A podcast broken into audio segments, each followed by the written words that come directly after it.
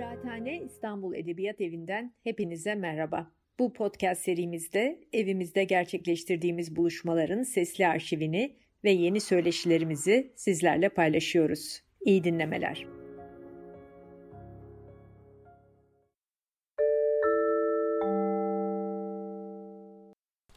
Merhabalar Kıraathane'ye hoş geldiniz. Bir yayıncılar söyleşisinde daha birlikteyiz, bir aradayız. Bildiğiniz gibi küçük bütçeli butik yayın evleriyle, kendi işini kendi gören yayıncılarla bu söyleşi dizimizde bir araya geliyoruz. Ee, bugünkü konuğumuz da Sözcükler Yayın Evi'nin sahibi, kurucusu, e, emektarı Turgay Fişekçi. Turgay abi hoş geldin. Hoş bulduk. Ee, ilk başta bir Turgay Fişekçi kimdir diye tanıyarak başlayalım. Ondan sonra Sözcükler e, macerasını senden dinleyelim. Valla benim hayatım biraz rastlantılarla sanıyorum şey oldu, şekillendi. Yani lisede, işte lise 1'e başladığımda çok iyi bir edebiyat öğretmenim olmasa belki hiç edebiyata ilgi duymayacaktım. Ama öyle bir iyi bir edebiyat öğretmenim vardı ki işte daha lise 1'de bize hem Türk yazınından hem dünya yazınından böyle birçok yazarı tanıttı, onları okumamızı sağladı ve böylece edebiyata ilgi duydum. İstanbul'da mı? Yok Değil. Balıkesir. Balıkesir'de. Balıkesir Lisesi'nde. İşte Necati Gil Dağlarca bu iki şairi okutmuştu. Onun kitaplarını okuyunca onlar gibi şiir yazmaya falan başladım. Oradan şiire yöneldim. Sonra üniversitede hukuk fakültesine girdim ama onu da neden girdiğimi tam bilmeden girdim. Yani aslında film yönetmeni olmak istiyordum. Oo. O zaman sinemacılık okulları henüz yoktu falan. Dediler ki hukuk fakültesine giren her şey olabilir. işte saydılar bak İlhan Selçuk, Çetin Altan falan o zamanın böyle doğru. popüler yazarları hep hukuktan mezun. Burada oku falan.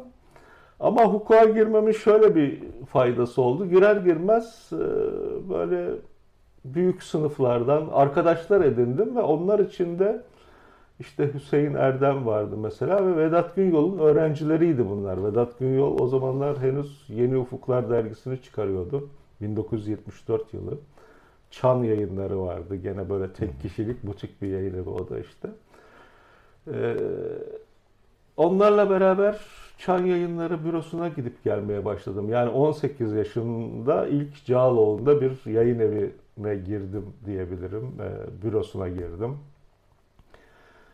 Ve bu ilgi arttı sürekli işte. Hep o alanda çalışmayı istedim. Sonra 78 yılında işte artık başka şair arkadaşlarla falan tanışmıştım. Barış Pirasan, işte Erdal Alova falan. Onlarla beraber böyle bir edebiyat dergisi çıkarmaya karar verdik. Ee, sanat emeği diye. O dergide benim aslında tam yayıncılık şeyim e, başladı. Yani henüz 22 İlk yaşı- gerçek deneyim E, aslında. Evet, 22 yaşındaydım fakat bir derginin baştan sona bütün işte matbaası, hazırlanması, matbaa aşaması, dağıtıma verilmesi falan bütün bu işlerini ben yapıyordum. Yani derginin bir yazı kurulu vardı. Daha büyük abilerden oluşan işte Atol Behramoğlu, Asım Bezirci, A Kadir falan. Ee, yani yazı kurulu toplantılarında dergi hazırlanıyordu. Sonra o derginin somut dergi haline dönüşmesinin işlerini ben yapıyordum tamamen. Bu da 12 Eylül'e kadar sürdü. 12 Eylül'den ertesi gün geldiğimizde işte dergi bürosu mühürlenmişti. Kapatıldığını e, öğrendik. Ve dergiyi de o yıllarda Cağaloğlu'nun bayağı ünlü matbaalarından Ağaoğlu, Tektaş Ağaoğlu'yla Mustafa Evet. Kemal Ağaoğlu'nun sahibi oldukları Ağaoğlu matbaasında bastırıyorduk. İnanılmaz bir kriz dönemiydi. Yani bugünkü gibi biraz gene böyle kağıt bulunmuyordu falan matbaalar, yayın evleri. Ama tabii Yani- o dönemde da- darbe döneminden bahsediyoruz biraz da. Biraz öncesinden başlamıştı. Ee, şey May yayınları vardı. O zamanın büyük yayın evlerinden biri. Mehmet Ali Yalçın. Yani Ankara'da bakanla yayıncıların kağıt sorunlarını anlatırken kalp krizi geçirip bakanın odasında öldüğü adam. Bu kadar yani böyle şey Oo. zor bir dönemdi öyle diyeyim. Mustafa Kemal Ağaoğlu da böyle e, çok zeki bir adamdı, iş adamıydı. Evet.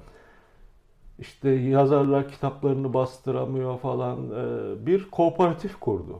Yazarlar ve yayıncılar yayın üretim kooperatifi diye. Yazarların kitaplarını basıyordu. E, satıştan %10 kooperatif yönetim gideri alıyordu ve kalan bütün şeyi kitabın gelirini yazara ödüyordu. Evet. Yazarlar için inanılmaz bir şey Ütopik. ütopik bir şey. Mesela Can Yücel'in bir kitabı için yü- yüzde 40 telif aldığını çok iyi hatırlıyorum. Of, yani. of, of. Yani nereden hatırlıyorsun diyecekler. Çünkü Mustafa Kemal beni Yasko'da işe aldı. Dergi de çıkaracaklardı çünkü. Yasko Edebiyat diye. Doğru. Evet. Ee, işte Mehmet Fuat'ı çağırmışlar şeyin derginin başına. Beni de onun yanına yardımcı olarak işe aldılar.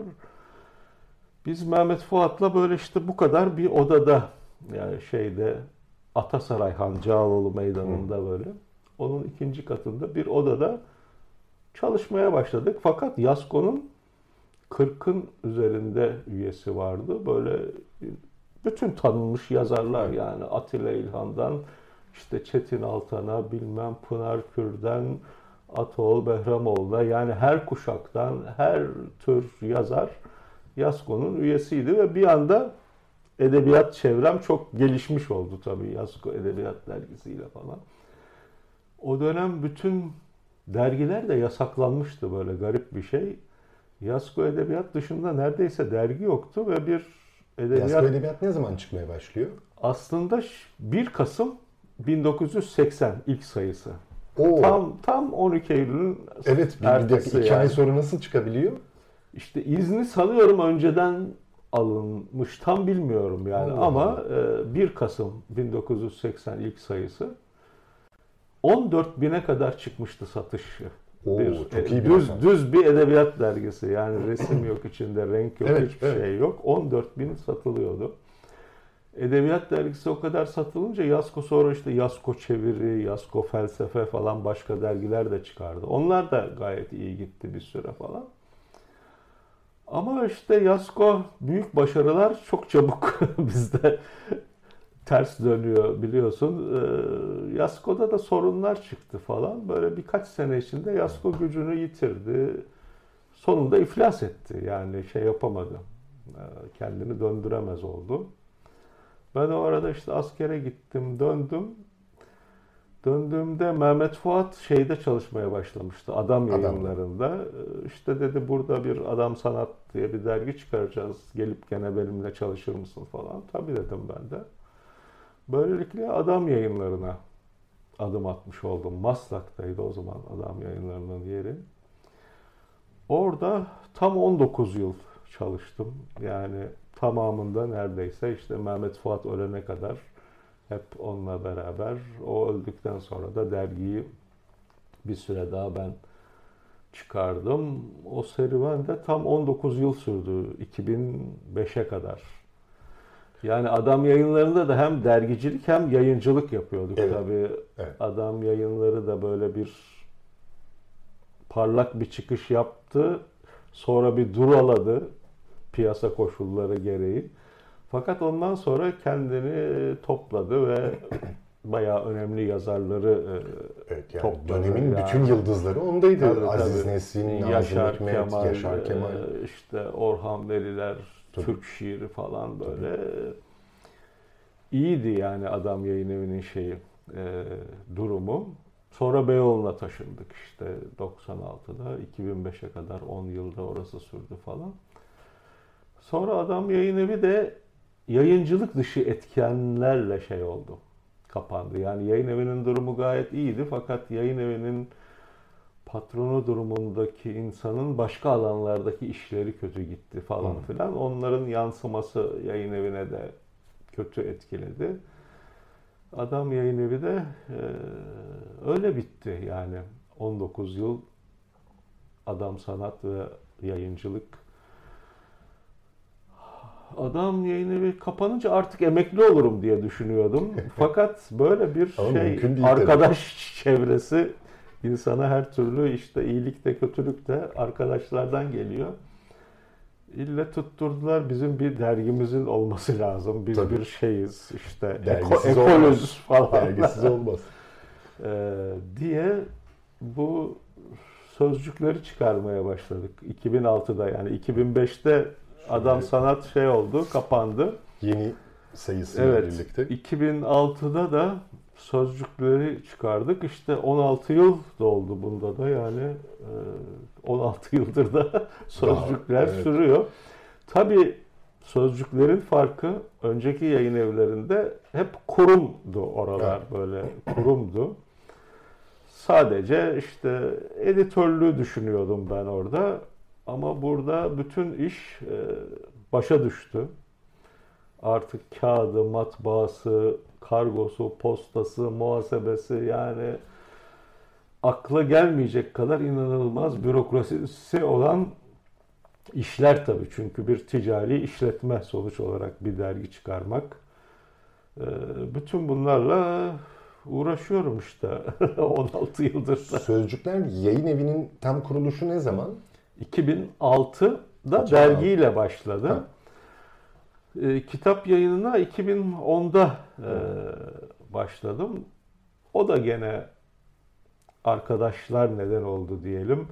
İşte e, Banu Karadağ diye bir çok iyi bir çevirmen arkadaş aynı zamanda hocam. E, Chomsky'nin işte o doğa ve dil üzerine kitabını çevirmiş. Fakat o çeviriyi ona ısmarlayan yayın evi sonra kitabı basmaktan vazgeçmiş falan böyle. Çeviri elinde kalmış işte yakınıyordu ben ne yapacağım falan diye dedim yani ben basayım istersen falan. ve bir numaralı kitabım o oldu. Onunla da yayıncılığa başladım. Sonra Cevat abiden çok tabi destek Evet. geldi. Çünkü e, şiir çevirisi de pek yayın evlerinin ilgi göstermediği bir alan. Yani Cevat abinin de işte çok değerli çevirileri var. Kavafis, Seferis, Yiğit, Mandelstam yani e, işte Çin'den Peru'ya derlemesi, Ferlinghetti. Bütün bu kitapların yeni basımlarını yaptım.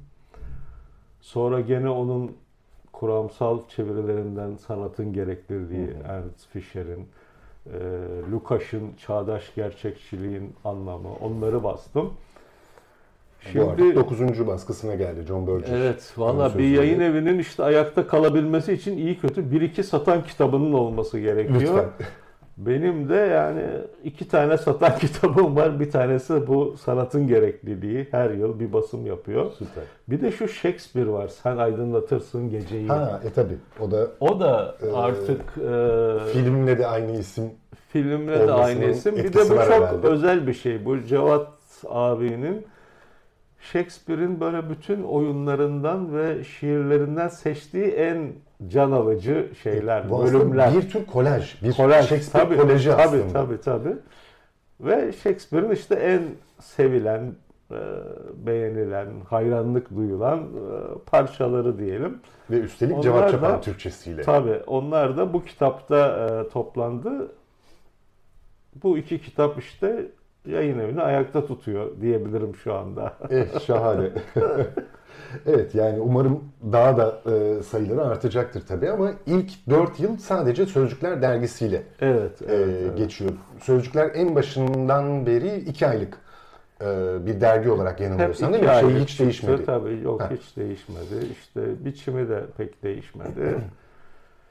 Ee, Evet. Başladı, Kapağı başladı. sadece ilk şeye Ha, göre evet, evet. e, Kapakta değişti. O kadar. değişti, Onun evet. haricinde aha. e, aslında Yani o- adam sanat devam ediyor gibi bir e, Öyle, evet. şey söz aynı, konusu. aynı anlayış. Mod olarak. Aynı anlayış. Ee, Bir de olanaklar belirliyor tabii yani. Mesela renkli basabilmek falan ayrı bir şey yani. Tabii. Öyle bir olanak yok yani en azından benim için. Peki e, o halde 40 yılı aşkın süredir bir e, dergicilik ve yayıncılık Evet evet. Ee, Tam 44 yıl aslında. değil mi? Evet, 40 44 evet, yıl. Evet. Dile kolay yani. Vallahi dile kolay. Evet ama yani e, maddi bir şeyi karşılığı olmasa da insana böyle mutluluk veren bir şey bu. Uğraş diyeyim yani. Ya da beni mutlu etti öyle diyeyim. işte bu sayede bir kere edebiyat ortamında bulundum. Hep edebiyatçılar arasında yaşadım. Bu bile kendi başına bir zenginlik yani insan e, ömrünü verebilir böyle bir şeye. Yani mesela Yaşar Kemal'in kitaplarını bastığımız dönemde bir 10 yıl onunla çok e, yakın oldum. Başlı başına bulunmaz bir nimet bu yani öyle bir insanla o kadar yakın olabilmek. Hele tam işte eşi Tilda önce rahatsızlandı sonra onu kaybetti falan o dönemlerinde bir süre e, yalnız da kaldı. Çok yakın e, görüşüyorduk yani o dönemlerde. Çok renkli bir insandı mesela Yaşar Kemal'de. Hiç benzerini görmediğim, göremeyeceğim bir insan. Yani inanılmaz bir şey. Çok zeki, müthiş espriler yapan bir insandı hem. Hem de e, herkesin inanılmaz gönlünü almasını bilen biriydi. Ve müthiş bir hafızası olan bir insandı. Ben öyle bir evet. hafızayı evet. şeyi basıyorduk işte bu Fırat suyu kan akıyor baksana ilk basımı olacak. Ben böyle kitabı okuyorum. Bir sözcüğe rastladım. Hiç duymadığım bir şey falan. Yani yanlış mı yazılmış acaba falan diye. Gittim sordum Yaşar abi böyle bir şey var. Burada bir hata olmasın falan diye. Hemen Karacaoğlan'dan bir dörtlük okumuştu. İçinde o sözcüğün geçtiği. Ya. Bak burada böyle geçer bu falan filan diye. Yani e, ondan önce de böyle bir şey vardı. Edebiyatı ne kadar izlediğine dair. Biz daha işte genç şairleriz. Theodorakis İstanbul'a gelmişti. Şeyde spor sergi sarayında konser verecek. Ne sebeple bilmiyorum ama gündüzden gittik böyle provayı e, izleyelim falan diye. Yanımda da Mehmet Yaşın var gene şair arkadaşım. İşte Yaşar Kemal vardı Teodorakis'in yanında. Merhaba Yaşar abi falan. Mehmet'le tanıştırdım. Mehmet Yaşın falan diye. Hemen Teodorakis'i bıraktı ona döndü. Senin dedi işte son şiirinde şöyle şöyle bir şey var falan diye. Ağzım kadar, açık kalmıştı. O kadar yani. Ağzım açık takip. kalmıştı yani böyle evet. Öyle bir insandı yani Yaşar abi. Muhteşem. Tabii bu yıllar içerisinde senin şairliğin devam ediyor, ödüller alıyorsun, şiir kitapların yayınlanıyor ama senin de e, şairliğin bu nedenlerle galiba dergicilik, yayıncılık vesaire evet. nedeniyle biraz gölgede gölgede kaldı. Öyle evet. Yani öne çıkmak için de bir çabam olmadı aslında. Şiir bana sorarsan yani en çok yazan insanı e, kendisini mutlu eden bir şey. Ben de şiir yazdıkça mutlu oluyordum. İşte yayımlandığı kadar yayımlanıyordu da pek öyle ötesinde bir şeyim hani şair olarak bir şöhretim olsun falan öyle bir isteğim ya da hevesim olmadı açıkçası. Bir de şiir öyle bir şey ki yani gerçekten değerliyse onun değeri her zaman her çağda senin dışında evet. da devam edebiliyor. O yüzden fazla kasmaya gerek yok yani bu şiir konusunda. Ama bu, bu e, tavrın, halin tabii e, bir yanıyla da e, sözcüklerin bütün yayın politikasını e, belirlemiş oluyor. E, büyük oranda çeviri e, şiirler olmakla birlikte, şimdi şeyi bulmaya çalışıyorum. Ha şurada. E, işte Uğur Kökle'nin e, günlükleri evet. gibi farklı türlerde de Şimdi bu e, yayın evi yayın evi için aslında bir isim ya da kimlik düşünsek Evet bak ben başkalarının basmadığı, unuttum. başkalarının basmadığı kitaplar yayın evi e, diyebiliriz buna. Yani gerçekten öyle ilk kitabın hikayesini de anlattım. Chomsky de öyle başladı. Öteki kitaplar da öyle. Yani şeyler hatta şu Nazım ile Piraye bile mesela bu aslında, evet, aslında Nazım'ın yayın hakları biliyorsun Yapı Kredi'de. Evet onu soracaktım. Onlar Piraye'nin e, şey Nazım'ın Piraye'ye yazdığı mektupların bütününü bastıkları için bunu hmm. ayrıca basmak istememişler. O zaman ben basayım dedim. Bu kitap, bu da aslında satılan bir kitap bu arada. Onu, onu da saymak yani. lazım. Bir de Mehmet Ve, Fuat'a mektuplar var. Evet, tabii bu şeylerin, e, bu Mehmet Fuat'a mektuplarım ve bunların telif hakları şeye Mehmet Fuat'a ait olduğu için onun oğlu da işte basmama izin verdi. Bu kitaplar da böyle çıktı yani. E, Onu soracaktım. Sözcükler ismi e, nereden geldi? Yayın evinin e, onu da şey yapmış Valla olalım. bu işte dergiyi ilk e, çıkarma döneminde aramızda en çok dergi çıkaralım diye böyle ısrarcı olan arkadaşlardan başında Erdal Alova geliyordu. Hatta o şeydi işte ben adını da buldum sözcükler olacak falan dedi. Bayağı. yani derginin adını koydu, çıkma kararını verdi. Sonra pek ortalıkta görünmedi ama Genelde öyle yani olur. e, şeydi sözcükler adı da oradan geliyor. Şeyi anlatıyor aslında yani edebiyatın malzemesi sözcükler biraz oradan gelen bir isim yani. Evet o e, şeyin e, Shakespeare'in kelimeler kelimeler kelimeler Tabii, tabii, e, tabii, tabii. dizisini ilk bana Evet. şey olduğunda sözcükler sözcükler sözcükler Evet. diye ilk o çağrıştırmıştı. Evet bir yandan da bu şeylerin Nazım Şimdi Ee, Uğur Kökten'in kitabı da öyle mesela. Bu Evet. aslında İsviçre günlükleri onun bayağı İsviçre'de toplam akan 500 zaman. sayfalık bir kitap. Bu kitabın birinci cildini başka bir yayın basmış. Fakat birinci cildi bastıktan sonra bu ikinci cilt bunu basmak istememiş. Aa, Dolayısıyla işte onu da ben basmış yarım kalan kitapları da basılıyor yani. evet ama yani bu bu e, şimdi sen anlattıkça şey gibi oluyor. Hani Yasko'nun e, son bulmasının en büyük nedenlerinden biri e, yıllar önce Yasko ile ilgili bir toplantıda e, şey yapmıştım, yer almıştım. Orada yazarların kendileri e, bunu itiraf etmişlerdi. Satacağını düşündüğü kitabını başka yayın evlerine veriyor. Evet. Bu galiba gitmez yahu dediği kitabı Yasko'ya Evet. veriyor Evet, ve evet, üstelik de Yasko'dan söylediğin gibi böyle yüksek oranda telifler vesaireler e, geliyor. Dolayısıyla hani e, hesap gereği zaten Yasko devam edemezdi gibi bir durum Evet. e, söz konusu. Ama e, sözcükler e, rin hani ekibinde kimler var e, diyeceğim. En azından senin haricinde e, sözcüklere e, omuz veren, yardımcı olan e, kimseler var mıdır? Dergiyi ve kitapları ayırarak mı söyleyelim? Nasıl Ha. istiyorsan. Aslında şey var. Yani benim dışımda editör olarak çalışan bir arkadaş var. Burcu Yılmaz. O da tabii şey yani e, karşılıksız hesa çalışıyor. göre. Ama onun şeyi sınırlı. Yani dergiye gelen şeyleri, ürünleri okuyor sağ olsun. Çünkü o da büyük bir şey. Yani yüzlerce Mesai, tabii. öykü geliyor, şiir geliyor. Onları tek tek okuyor, onlara tek tek cevap yazıyor. Yayımlanabilir olanları da işte e, bana aktarıyor. Bu konuda yardım ediyor. Onun dışında başka bir yardım eden yok açıkçası.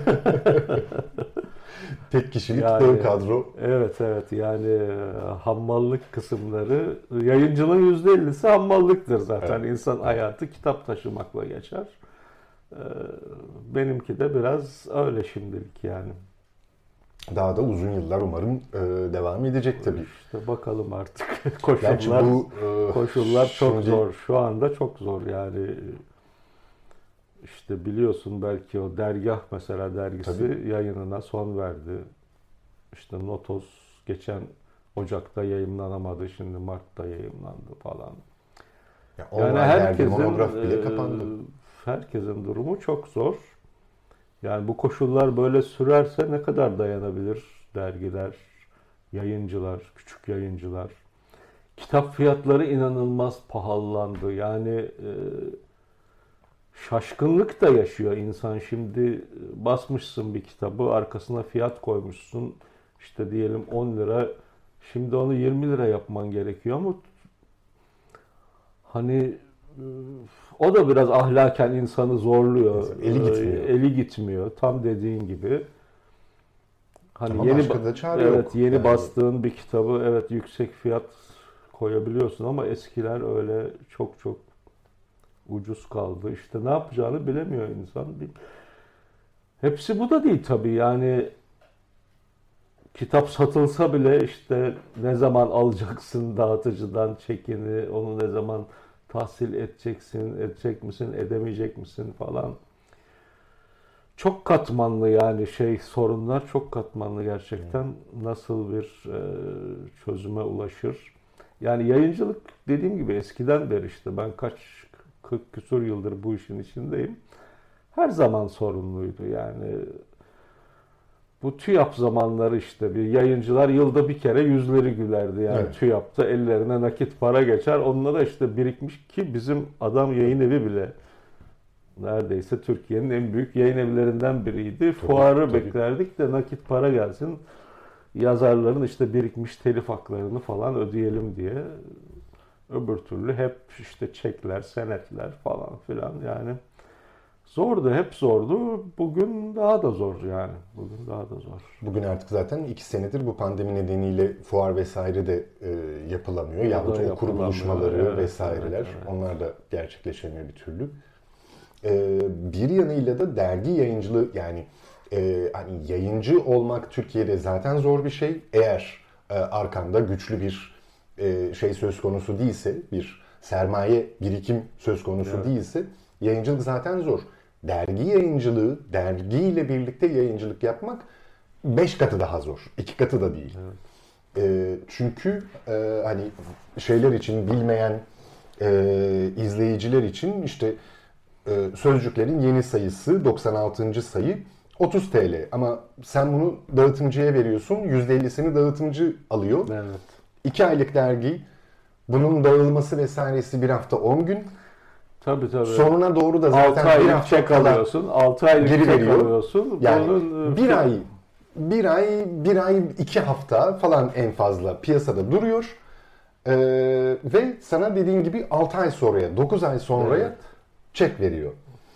Ee, gibi bir şey söz konusu. Evet. Ee, döngü söz konusu. Halbuki hani sana buradan 15 lira 6 ay, 9 ay sonra en iyi ihtimalle e, gelecek ama diyelim abonelere vesairelere postayla göndermenin kendisi zaten artık 15 liradan tabii, tabii. daha pahalı bir hale geldi.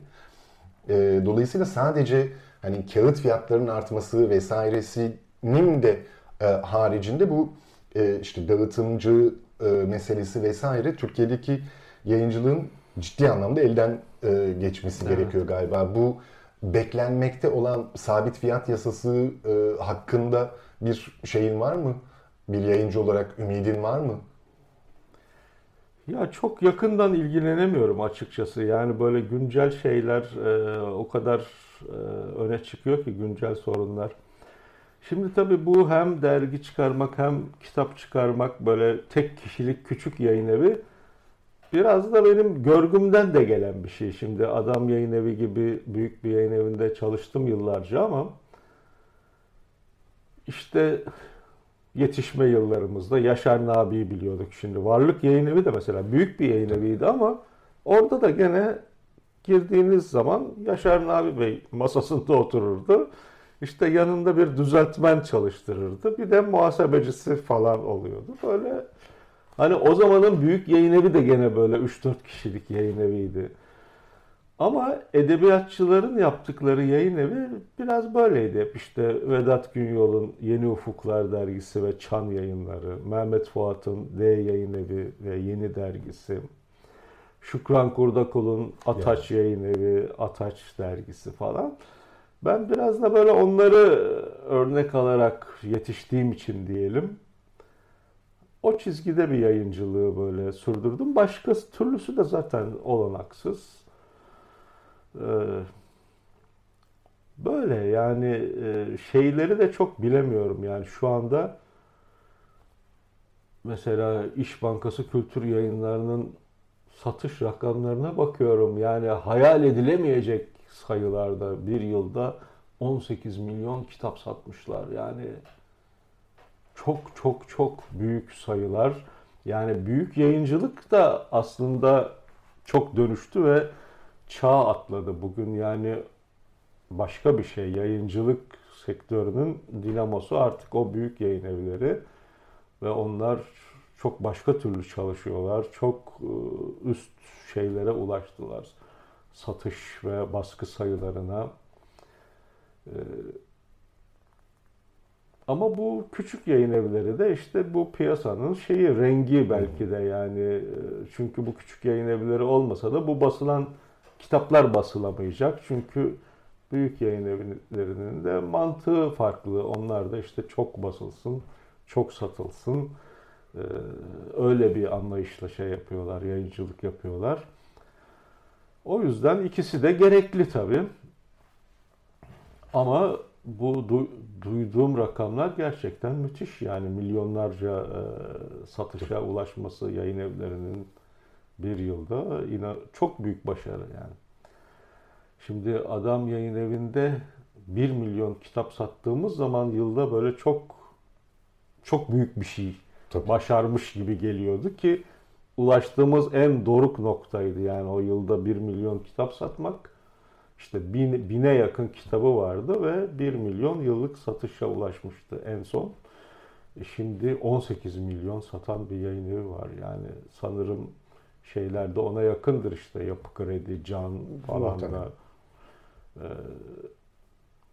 dolayısıyla yani yayıncılıkta çok değişti ve gelişti. Gelişti. Yani bu tabi okur sayısının da arttığını gösteriyor. Her şeye karşın. Bakalım artık bundan sonrası ne olacak. Peki e, Sözcükler yayın evi olarak dergi 96. sayısına e, geldi Hı-hı. ama yayın evi olarak Sözcükler şu anda 65 kaç kitapta? 65 kitap oldu. 65. 65 kitap oldu. Ama tabii aslında yavaş ilerlemek tabii. zorunda çünkü tek kişilik bir tabii tabii e, tabii yani hatta hiç emek ve e, şey açısından evet, bakınca evet. ekonomi açısından bakınca zor yani başka yeni, yeni yok. kitap da artık çok zorlaştı şimdi bu tabii. koşullarda yani gerçekten çok zorlaştı. Nasıl gidecek bundan sonrasını gerçekten e, kimse önünü göremiyor aslında evet. şu anda. Evet böyle bir şey var. Yani büyük yayın evleri de e, önlerini göremiyorlar. Küçükler de göremiyor. Daha doğrusu ülkecek önümüzü göremiyor, göremiyoruz. Çünkü burada da her şey e, dışarıdan geliyor. Yani şeye bağlı işte döviz kurlarına bağlı. Kağıdı, mürekkebi, zamkı, bilmem telefonu şu bu. Yani kaba şey el emeği dışında evet, evet. her şey e, dışa bağımlı. Bu da ayrı bir sorun tabii yani. Bu çok ciddi bir sorun hakikaten. Yani e, bir kitabı başka türlü üretme şeyimiz kalmamış evet. durumda. E, yolumuz yani kalmamış kağıt, durumda. Kitap kağıdının şu anda Türkiye'de üretilemiyor olması ya da üreten fabrikaların bu sekanın kapatılmış olması yani hiç anlaşılabilir bir şey değil. Ee, Gerçi kapatılırken ekonomik olarak işte dışarıdan almak daha ucuz diye kapatılmıştı. Fakat şimdi bugün öyle bir noktaya geldik ki artık öyle dışarıdan değil. almak hiç de e, ucuz değil. Çok çok pahalı aksine yani. Evet bu e, yayıncılık yani giderek e, bir kartelleşmeye doğru e, korkarım bu durum, evet. bu gerçeklik. Yani çünkü o büyük yayın evleri e, yakın zamanlarda duyduğum kadarıyla bir takım küçük yayın evlerini de satın almaya başladılar artık. E, mümkündür. Bu da mümkündür. Yani e, küçükler için ayakta kalabilmek gerçekten e, çok zor. Yani bu neler yapılabilir bilmiyorum. Mesela dergiler için ama böyle bir takım uygulamalar var. Yani mesela Fransa'da bir evde öğrenci varsa o yerin, o yerin belediyesi o eve istediği dergiyi, kitabı ücretsiz olarak sağlıyor. Yani bir öğrenci varsa bir gazete ya da dergi, iki öğrenci varsa iki gazete ya da dergi. Diyorsun ki işte ben şu gazeteyi ya da dergiyi izlemek istiyorum adresine düzenli olarak geliyor. Gazete ise her gün. Devlet senin ise, adına abone oluyor. Tabii devlet senin adına abone oluyor ve sana onu sağlıyor. Şimdi böyle şeyler e, olması lazım. Aslında bizde binlerce edebiyat öğretmeni var. Yani Tabii. liselerde işte edebiyat Tabii. dersleri var. Milyonlarca öğrenci var. Yani bu öğrencilerin ve öğretmenlerin e, edebiyat dergilerinden uzak yaşamaları hem dergiler için çok kötü hem kendileri için çok kötü. Tabii. Yani Hem de öğrenciler ve yeni okurlar için. tabii mesela Varlık yayın evinin ve dergisinin bu kadar uzun süre yaşamasının temel nedeni okullarda e, derginin okunuyor olmasıydı. Yani şimdi lise edebiyat öğretmenimden bahsettim ama ondan önce ortaokulda ben orta 2'de o zaman da Türkçe öğretmenimiz işte Varlık dergisine abone olun çocuklar demişti. İşte, işte. Ben orta 2'de, orta 3'te 2 yıl Varlık dergisine abone oldum ve Balıkesir gibi bir yerde Varlık dergisi her ay geliyordu. Oradan da okurluğum biraz da öyle başladı. Dolayısıyla mesela e, hani çözüm aranacaksa bu e, temel çözümlerden biri öğrencilerin ve öğretmenlerin edebiyat dergileriyle buluşması. O zaman dergiler de rahat eder. Kültür hayatı da genişlemiş olur. Şimdi bununla ilgili çok geçenlerde bir e-mail aldım. Bir genç insan dergiye abone olmuş. Fakat mailinde şöyle diyordu. Ben diyor derginizle diyor lise yıllarımda okul kütüphanesinde tanıştım diyor. İşte. Yani okulun kütüphanesine gelmese e, böyle bir Haberi dergiden olmayacak. haberim olmayacaktı ve benim diyor işte gelişmemde bu dergiyi okumak çok şey yaptı, yararlı oldu. Şimdi diyor işte doktora öğrencisiyim artık elime de para geçiyor.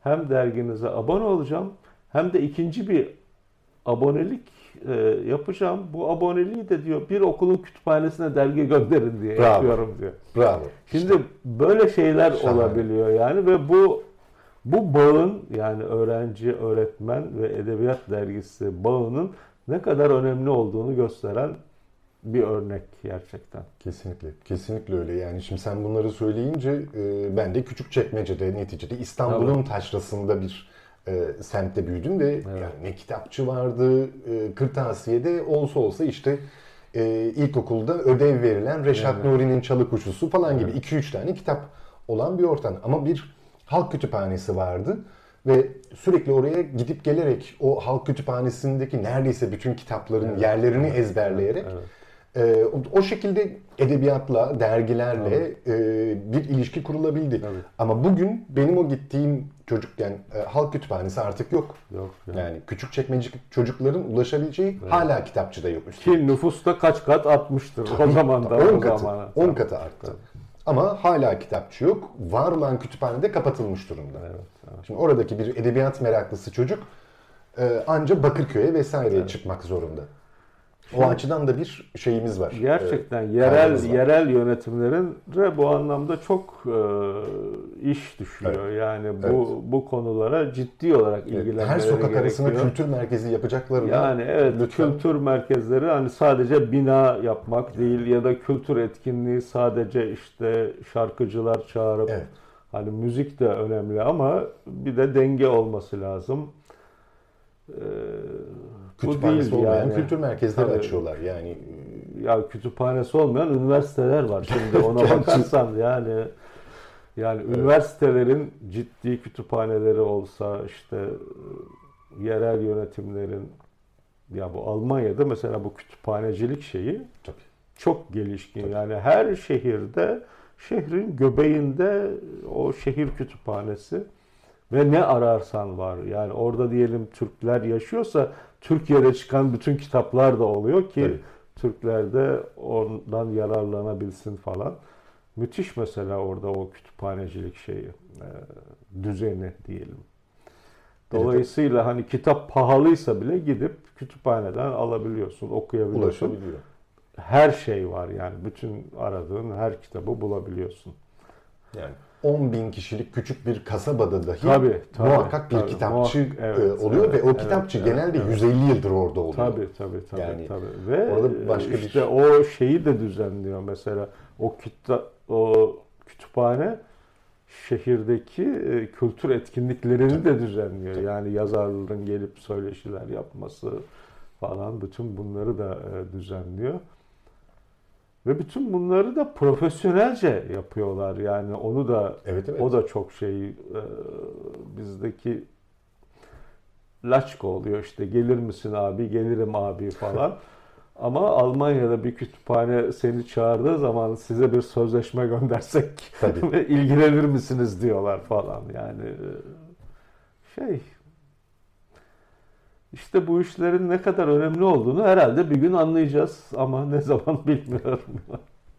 Peki kapanışa doğru e, şimdi yayıncılığın ne kadar zor olduğundan vesaireden bahsettik ama e, neticede Sözcükler Yayın Evi e, yoluna devam ediyor. Dergisi devam ediyor.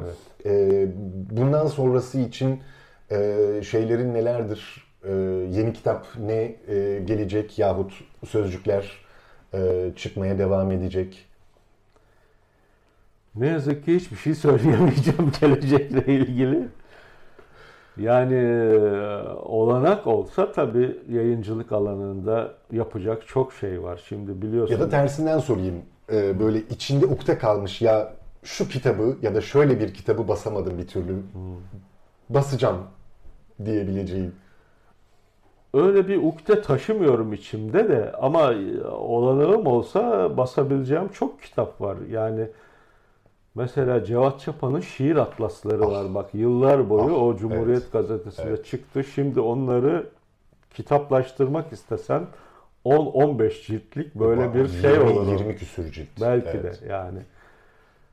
Yani o şeylerin şimdi basılamıyor olması mesela çok şey üzüntü verici bir şey ama basmaya da kalksan 15-20 kitap kalınca da olur ve Tabii, tabii.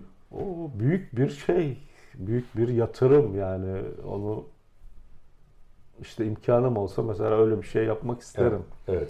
Yani. Hakikaten benim de imkanım olsa ilk aklıma gelecek şeylerden biri e, şiir atlasıdır. O çünkü gerçekten çocukluğumdan Ya neler var şimdi hayalim. mesela Mehmet Fuat değil mi? Önemli bir denemecimiz. Tabii. Şimdi Mehmet Fuat'ın yani böyle iyi kötü satılan kitapları basılıyor ama birçok önemli kitabı, deneme Tabii. kitabı bugün yok. Tabii. Yani tabii. onları mesela basmak isterim. Ya Fethi Naci yıllar boyu Tabii. Türk edebiyatına yön vermiş bir eleştirmen yani. Şu anda Fethi Naci'nin piyasada bir tek kitabı var. Yüzyılın Yüz romanı. o kadar. O da işte okullarda biraz herhalde okutulduğu için Evet, şey. evet.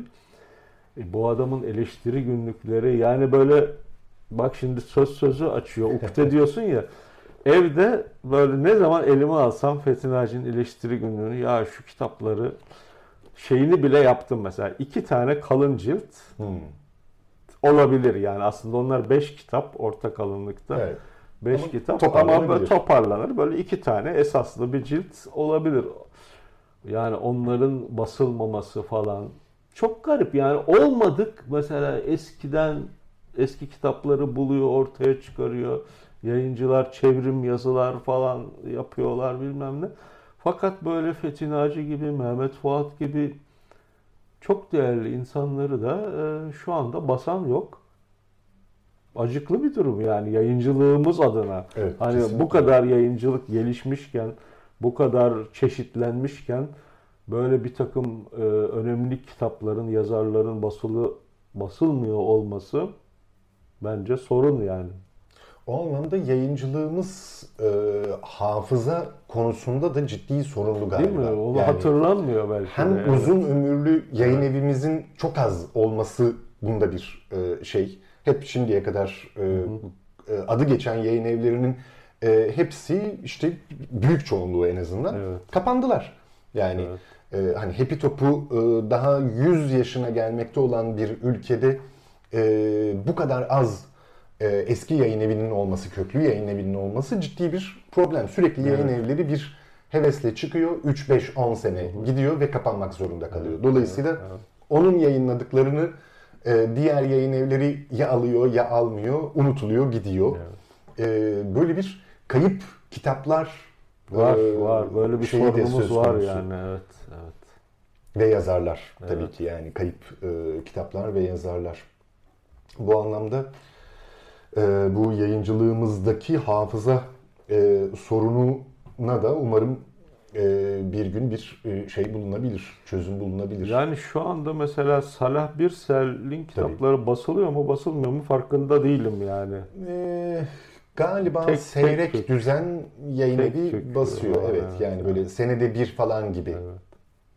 Yanlış takip etmiyorsam eğer Yani bu insan yani deneme türünü değil mi edebiyatımızda Y-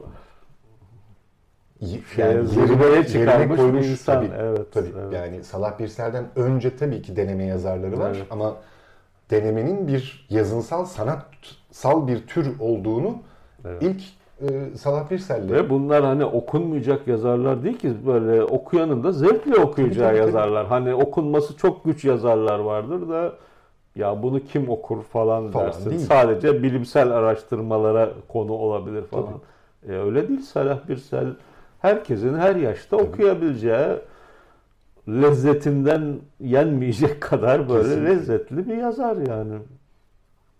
Üstelik de edebiyat tarihimiz Evet. ondan sonra onun kadar ayrıntılı da yazılmadı. Hani denemelerin Tabii, tabii. haricinde o, O- öyle e, bir Salah ara- tarihi Araştırmacı yanı da var tabii. tabii. 1950'den sonrası Evet. bir daha yazılmadı henüz. Neyse e, bu bayağı şeylere daldık. Ama şahane. Ya kitap işi böyledir. Bitmez konuşmaya başlayınca. Ee, umarım sözcükler o bütün e, hayalini kurduğun, arzu ettiğin e, yayınları bundan sonra yapacaktır, yapmaya devam edecektir. E, sözcükler dergisi 100. sayısını, 150. sayısını, e, 550. sayısını görecektir umarım. E, bu dar boğazdan e, küçük butik, kendi işini kendi gören, e, tek kişilik dev kadrolarla e, çalışmaya devam eden e, yayın evleri bu e, şu anda yaşamakta olduğumuz bu dar boğazdan umarım e, kazasız belasız ve artık daha e, fazla sayıları azalmadan e, çıkacaklardır diye ümit ediyorum. E, katıldığın geldiğin için çok teşekkür ederiz. Ben teşekkür E, ederim. sözcüklerin yolu açık olsun. Umarım bizi duyanlar olur belki yayın yani yayının bir de böyle bir yönü var. Yani kitap bu işin görünen Evet, yüzü evet. ama arkası da başka bir dünya. Yani bu söyleşi belki de o bakımdan iyi oldu. Yani şu kitabın arkasındaki dünyadan da bir parça sunmuş olduk izleyenlere. Eyvallah. Çok teşekkürler. Efendim Kıraathane'de bugün e, Sözcükler e, dergisi ve yayın evinin kurucusu, sahibi, emekçisi e, Turgay Fişekçi ile birlikteydik. E, başka bir yayıncılar söyleşisinde tekrar bir arada olmak üzere. Herkese iyi günler.